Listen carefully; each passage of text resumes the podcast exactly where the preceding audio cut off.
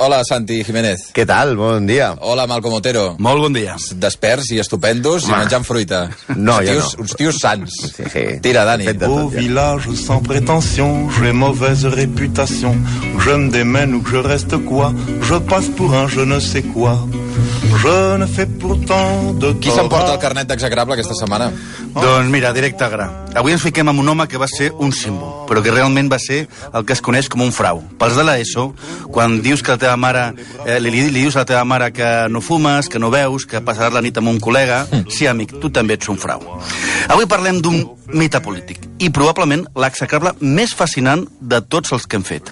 Un polític tan malvat que fa que al seu costat Frank Underwood, el personatge de House of, House of Cards, Sí. sigui més innocent que Dora l'exploradora. I mira que xungo, l'Underwood, eh? L'Underwood és un mal parit de nassos. Sí. Avui li toca a François Mitterrand. No sé què us passa. Entre De Gaulle la setmana passada, aquesta Mitterrand, eh, jo crec que alguna, una mica de- de- de- d'alguna cosa teniu amb els francesos. I hate the French.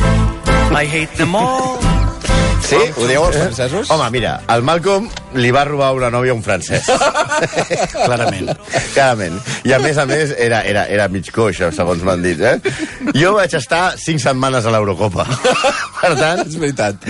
Però també eh, tenim aquesta mania per Napoleó, per Sarkozy, més que per Sarkozy, per Carla Bruni, pels experiments nuclears als atolons, pels camions de la Junquera, perquè fan una torre de Mecano gegant i no la saben omplir, per Zidane, per Balzac, pel De Gaulle, per Benzema, per, per, per Griezmann, pel nostre execrable d'avui, François Maurice Adrien Marie Mitterrand, que va ser 14 anys president de la República Francesa, el, que, el, i copríncep d'Andorra, esclar, és el que més temps ha estat com a president. Va ser ministre de Justícia, d'Interior, d'Ultramar, diputat, senador, alcalde, i atresora totes les condecoracions que un polític pot tenir. Un polític socialista, Sí. que abans de ser socialista va ser més d'ultradreta que Martínez del Fatxa. Oh, Martínez del Fatxa! Quines referències? Ah, Mentider, trampós, terrorista, assassí, torturador i que va tenir dues famílies i va ocultar una filla durant tota la seva vida, que decidia importants decisions polítiques consultant el tarot, no us ho perdeu. Però què estàs dient? Sí, no és casualitat que a França sempre l'han conegut com l'Esfinx, per la seva misteriositat. Però aquest és... En sèrio, és Mitterrand? Sí, senyor. Sí, sí, ja ho veuràs. Comencem- Anem per parts, com deia Jack el Destripador, no? Comencem Ah, per la no. política. Fuera. Fuera. François, François Mitterrand semblava un, dels, semblava un dels símbols de la resistència, un símbol de l'esquerra francesa, detingut pels alemanys i un home íntegre. Doncs no. L'any 19- 1994, Pierre Pean escriu un llibre molt rigorós que es diu Una joventut francesa, on s'investiga la joventut de Mitterrand de l'any 34 a l'any 47. Segons el llibre Mitterrand, que, tenia, que venia d'una família eh, conservadora de Gernac, viatja a. París viatja a París i s'uneix als voluntaris nacionals del coronel Lerroc, que era un polític d'ultradreta, sobretot anticomunista. Mitterrand va defensar la seva amistat amb, amb ell perquè només era ultradreta, però no era ni antisemita ni feixista en el sentit estricte. L'antisemitisme és un assumpte delicat, perquè el llibre, que comentava el Malcolm, mostra una foto de Mitterrand amb una manifestació contra els estrangers muntada per l'organització dretana Action Français. A més, entre les seves amistats parisenques hi havia la família Bouvier, on el primogènit, un xavalet molt agradable, havia assassinat a un activista antifeixista. El pare va acabar sent un alt càrrec del comissariat per assumptes jueus del règim de Vichy. Del règim de Vichy, recordem com ho van fer la setmana passada, atenta a la companyia, que eren els, els francesos col·laboracionistes amb els nazis. Quan acaba la guerra, Mitterrand que suposadament era un heroi resistent, Sí. signa un fals certificat per evitar que Bouyer entri a la presó. Sí, però la seva amistat més menyspreable és la de René Busquet, amic durant dècades de Mitterrand i del que després es va saber que va ser un dels màxims dirigents col·laboracionistes i braç executor de la barbària nazi. Busquet va ser assassinat just abans de ser jutjat per crims contra la humanitat. Mitterrand va al·legar que als anys més salvatges es veien poc, veia poc el seu amic. Parlaven poc, no es sí, trucaven. Sí, quan, Sí. quan feia coses dolentes, diu... Quan feia malifetes jo no mirava. Jo. Com nens petits. Sí, però no acaba aquí la cosa. Mitterrand cau O sigui, de moment ja era col·laboracionista. Col·laboracionista. Ja d'entrada, això. Però, però com arriba a, a, a, a canviar la seva vida? Mm. Us ho explico ara. Mitterrand cau presoner com a Sí. soldat ras. Sí. I a la presó comença a escriure amb una voracitat tremenda articles a favor de Petén i del govern de Vichy. Per tant, el deixen sortir a la presó. I comença a treballar a l'oficina del govern de Vichy, el govern col·laboracionista, fent fitxes contra els enemics del règim, és a dir, contra els aliats, contra els de Legol i el, la resistents. diguem, Anava no? escrivint noms de gent Sí, i ell era un funcionari del govern de Petén. Mitterrand explica després, anys després, que només era un treball burocràtic, però el llibre de Pean deixa entreveure que Mitterrand va tenir molta informació del que estava fent el règim de Vichy, i no eren coses bones. Només quan a, la guerra dona un gir i Stalingrad resisteix la, eh, l'assetjament nazi, Sí. i la guerra sembla que es decanta pels aliats, aleshores ell diu, hòstia, em passo la resistència. Deixo les fitxes, deixo les fitxes i Deixo les fitxes i es canvia de nom, es fa dir Jacques Morland, i es construeix un relat d'heroi que durant el seu temps a la presidència eh, va, es va esbombar des dels mitjans de comunicació. Però és un relat fals, una vida falsa, mai va ser així. Me gustan las mujeres que me saludan desde la playa. Per tant, mentider, que canvia de bàndol, xaquetero, per entendre'ns, Sí. i això de les... Antisemita i feixista. Ah, Exacte, no ens deixem res, perquè té el pack complet, i faldiller. Bueno, Ara entenc bueno, per la música bueno, aquesta que heu posat. Sí, podríem dir que Mitterrand era faldiller, però això no seria del tot exacte. Seria com dir que a Bárcenas o Correa, a Bárcenas i Correa, els hi agraden els, els, els diners aliens. No, això no seria exacte, és molt més. Mitterrand era un pitxabrava de llibre. Mm. El seu xòfer, durant, durant més de 20 anys, va escriure un, llibre titulat Conduint a l'esquerra, en el qual narrava el, malaltí, el malaltís desig sexuals de Mitterrand. Una mica com el tram, eh, veig? Exacte. Avui, avui la serà... Jo crec que Trump és Winnie the Pooh al costat de Mitterrand. el president arribava a llitar-se amb tres dones diferents en un sol dia. Eh, No sabem si després també ho feia amb la seva dona No, no, o amb de- un amant recurrent que que, tenia, que potser eren cinc. Que la dona és família. Ah, clar. Això seria una guarrada. La veritat és que s'arriscava moltíssim. Fins i tot el, el xòfer explica com tenia res sexuals en les esposes d'alguns mandataris com la dona d'un rei, és a dir, una reina Imagina't, tu vas, a visitar, Mitjà. tu vas a visitar a, a, a, a Mitterrand. Sí. T'allotgen a l'Elisi. Sí. Surts perquè has d'anar a fer un recado. I va el tio i se't zumba la dona, tio. No, no, és, tre és tremendo. Sí, sí. De fet, el tio desmuntava la seva agència presidencial per anar corrents a satisf a satisfer els seus desitjos. El xòfer explica que acabava esgotat. El xòfer, no Mitterrand.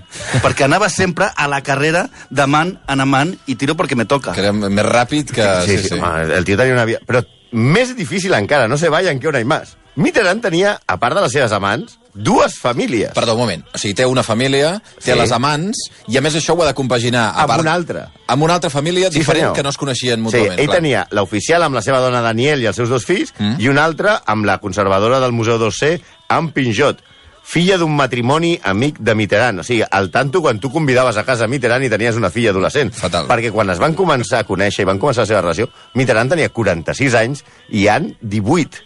Buf. I era la filla d'uns amics seus. Amb aquesta, amb, amb Anne Pijot, va tenir una filla, Mazarin, que és bastant famosa, amb la que passejava i tenia una relació de pare i a la qual, en, el, en absolut secret, secret d'estat en aquest cas, va reconèixer, no va reconèixer fins al 1984. La portava al cinema, al teatre... Ah, anava amb ella? Sí, sí, sí. Però mai la presentava com si fos la seva filla. Finalment, en, el, en un clima de màxima pressió contra Mitterrand, el 1994, la revista Paris Match va publicar la foto del president sortint amb la seva filla a un restaurant i va explicar als francesos la relació que hi havia. El president va muntar en còlera i va posar tots els esforços perquè no es parlés d'això i va començar a censurar la premsa i a fer fora directors i redactors de diaris. Dos anys després, la filla i els fills de Mitterrand es van conèixer al funeral en què Anne i Daniel, la dona oficial, van plorar juntes. Anne no fa massa va publicar les seves memòries amb un títol bastant explícit, La captiva de François Mitterrand. En ell admet que tonta vaig ser, i ahir sortia al país que a la contraportada que s'acaba de publicar a França, es publicarà aquesta setmana, Sí. les cartes de Mitterrand a, a en Pinjot. Sí, sí, ja veurem, perquè Mitterrand dona més llibres, eh, no es pot omplir, no hi ha biblioteca program per omplir tots els llibres. Perdona, que porteu 10 minuts i, i, i m'heu dit tots els genets de l'apocalipsi no estan fal- en Mitterrand. enca- encara falta més. Ah, d'acord. Sí, una, una cosa li hem d'admetre al nostre eh, Pepe Lamó, eh? Pepe l'amo. N- No era gelós. La seva dona tenia No, com a sí, amant... home, només faltaria ja que fos gelós. és que, és que, de debò. Hagués sigut unes galtes importants. Eh? Home, La seva dona tenia com a amant el seu professor de gimnàstica, un senyor anomenat Jean Valencí.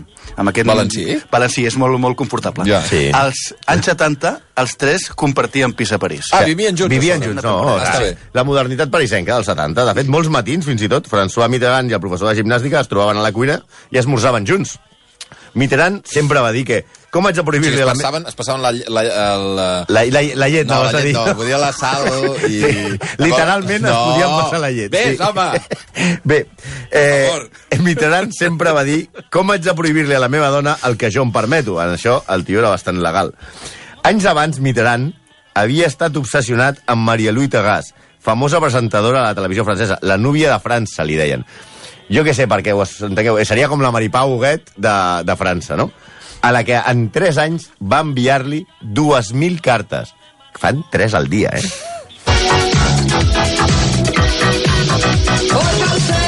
Però encara hi havia una altra persona que... Una altra dona, Dona, dona. important per la vida de Mitterrand. Sí, la dona que més va influir, que va influir d'una manera més curiosa, Sí. va ser Elisabeth Tessier, que havia estat Miss França de jove Mhm. i que era astròloga. Sí. Ella també va publicar un llibre, ja veieu, i és que Mitterrand, llibre. és que la veritat és que Mitterrand és un personatge que sembla de, de ficció, eh? en el qual explicava com el president li preguntava assumptes d'estat. Per si no la creien, va publicar a la ràdio francesa les gravacions a les que es pot escoltar Mitterrand preguntant per la formació de govern o la millor data pel referèndum de Maastricht. Sembla que Mitterrand va llegir massa astèrics per creure que necessitava un panoràmics per portar el llogaret dels gals. Mitterrand va confessar diverses vegades que ell creia en, en aquestes forces ocultes i en, en aquests remeis esotèrics. Durant la seva llarga malaltia, va, ell tenia un càncer de pròstata i que, del, que, del que va morir, va acudir a centenars de remeis tipus eh, Chumari Alfaro, aquest de la botica de l'abuela, i es va posar en diversos curanders. Fins i tot va fer viatjar xamans des de l'Àfrica a París perquè el tractessin i miressin de curar-lo amb qualsevol eh, re- eh, mitjà curiós, no? Sí. De totes maneres, en honor a la veritat, els metges, quan li van detectar el càncer, li van donar 3 anys de vida i ella en va viure molts més, eh? Mm. Jo no sé si eren els remeis aquests de la botica de l'abuela o que, clar, de tan cardat poses com un toro, Va, no? home. I és que si tothom li donés a l'Ajuntament com el Mitterrand, els gimnasos tancarien, eh? Però això de la salut mm, era un tema que no, no acabava d'estar clar. No, no, era, una, era un, un tema molt, molt, molt Imagina't la que s'està liant amb Hillary Clinton. Sí, Era, la- era molt polèmic, perquè el seu metge, Claude Goblet, que va escriure un llibre, El gran secret, on expressava el procés de la malaltia del president, ja diem que que només amb el llibre sobre Mitterrand vull dir, s'ha- s'alimenta la indústria editorial francesa. Doncs eh, explica en aquest llibre que Mitterrand va falsejar l'informe mèdic setmanal i va ocultar la seva malaltia. Eh, va ocultar el seu, el seu càncer durant 11 O anys. sigui, els francesos tenien un president amb càncer Sí, i no- i i no, no ho sabia. sabia. No, però és pitjor, perquè a l'etapa fi- final de la, de, la, la, l'etapa final de la seva vida, les columnes dels diaris comen, començaven a especular sobre la salut una mica com Franco quan estava morint, no? I, però ni juny s'imaginaven, ni de juny s'imaginaven com el que estava passant real, realment. Eh, segons el metge, arribava a l'Alici entre les 9 i les 10 del matí i es ficava al llit, fins l'hora de dinar. Despatxava ja, però a poc a poc es va anar desinteressant i havia dies que no tenia ni una cita ni una trucada.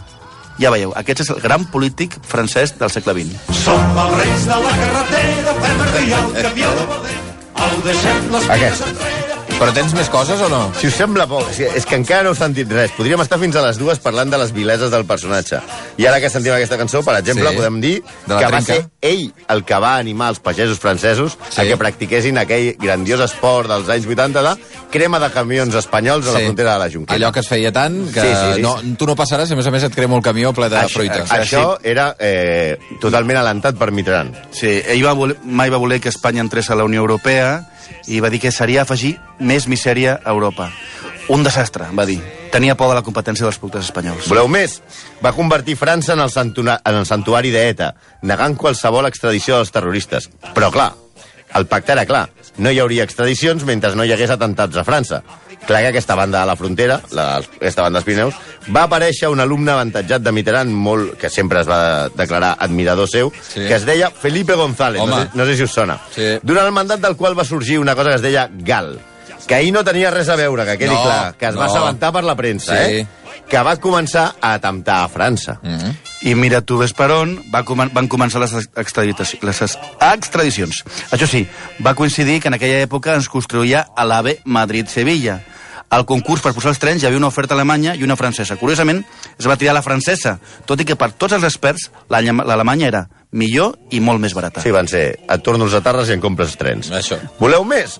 Els seus contactes amb el terrorisme anaven més enllà d'ETA. Què dius, home? Va salvar-li la vida diverses vegades a Muammar el Gaddafi, avisant-lo, segons va reconèixer Roland Dumas, que era ministre d'Exteriors de Mitterrand, dels atacs de l'aviació americana que havia de creuar l'espai aeri francès que volien represaliar i bombardejar la casa del líder libi d'un atemptat, perquè ell, eh, uns terroristes libis havien atemptat amb una discoteca de Berlín contra uns eh, soldats americans que els van matar.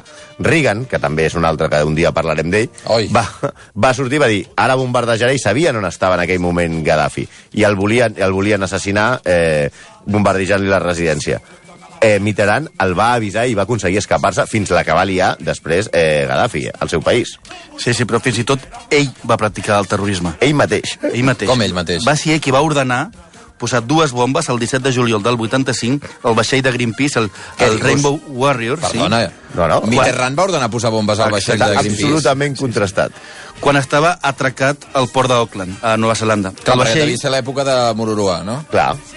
El vaixell, símbol dels ecologistes, protestava per les proves Clar. atòmiques franceses a la Toló de Mororoa, a la Polinèsia. El coronel, que va liderar l'operació, va escriure un llibre Un altre llibre. Vinga. agent secret, en el que revela que els militars van proposar només espatllar l'hèlix del vaixell. Els militars, Sí, eh? sí, va va dir. dir, A veure, "S'està només passant". trenca-li el motor els i ja francesos està. envien un, de, un grup de 10 comandos animals d'aquests, Sí. tipus Van Damme, que trencarien nous amb, amb mirant-les, Sí. i, i diuen, no, no, no, no em posem al vaixell. Si voleu que no arribi a Monroa, li posem una càrrega petita a l'hèlix i l'espatllem per tota la vida. Sí, eren més raonables ells que el, que el, que el, que el president. Com va acabar? La... Pues a l'atemptat va morir el fotògraf portuguès Fernando Pereira i dos dels militars van anar a la presó, però Mitterrand els va treure al cap d'uns mesos. Oh, clar. Estaven condemnats a 10 anys i els va ascendir. A més, els va sentir. Sí.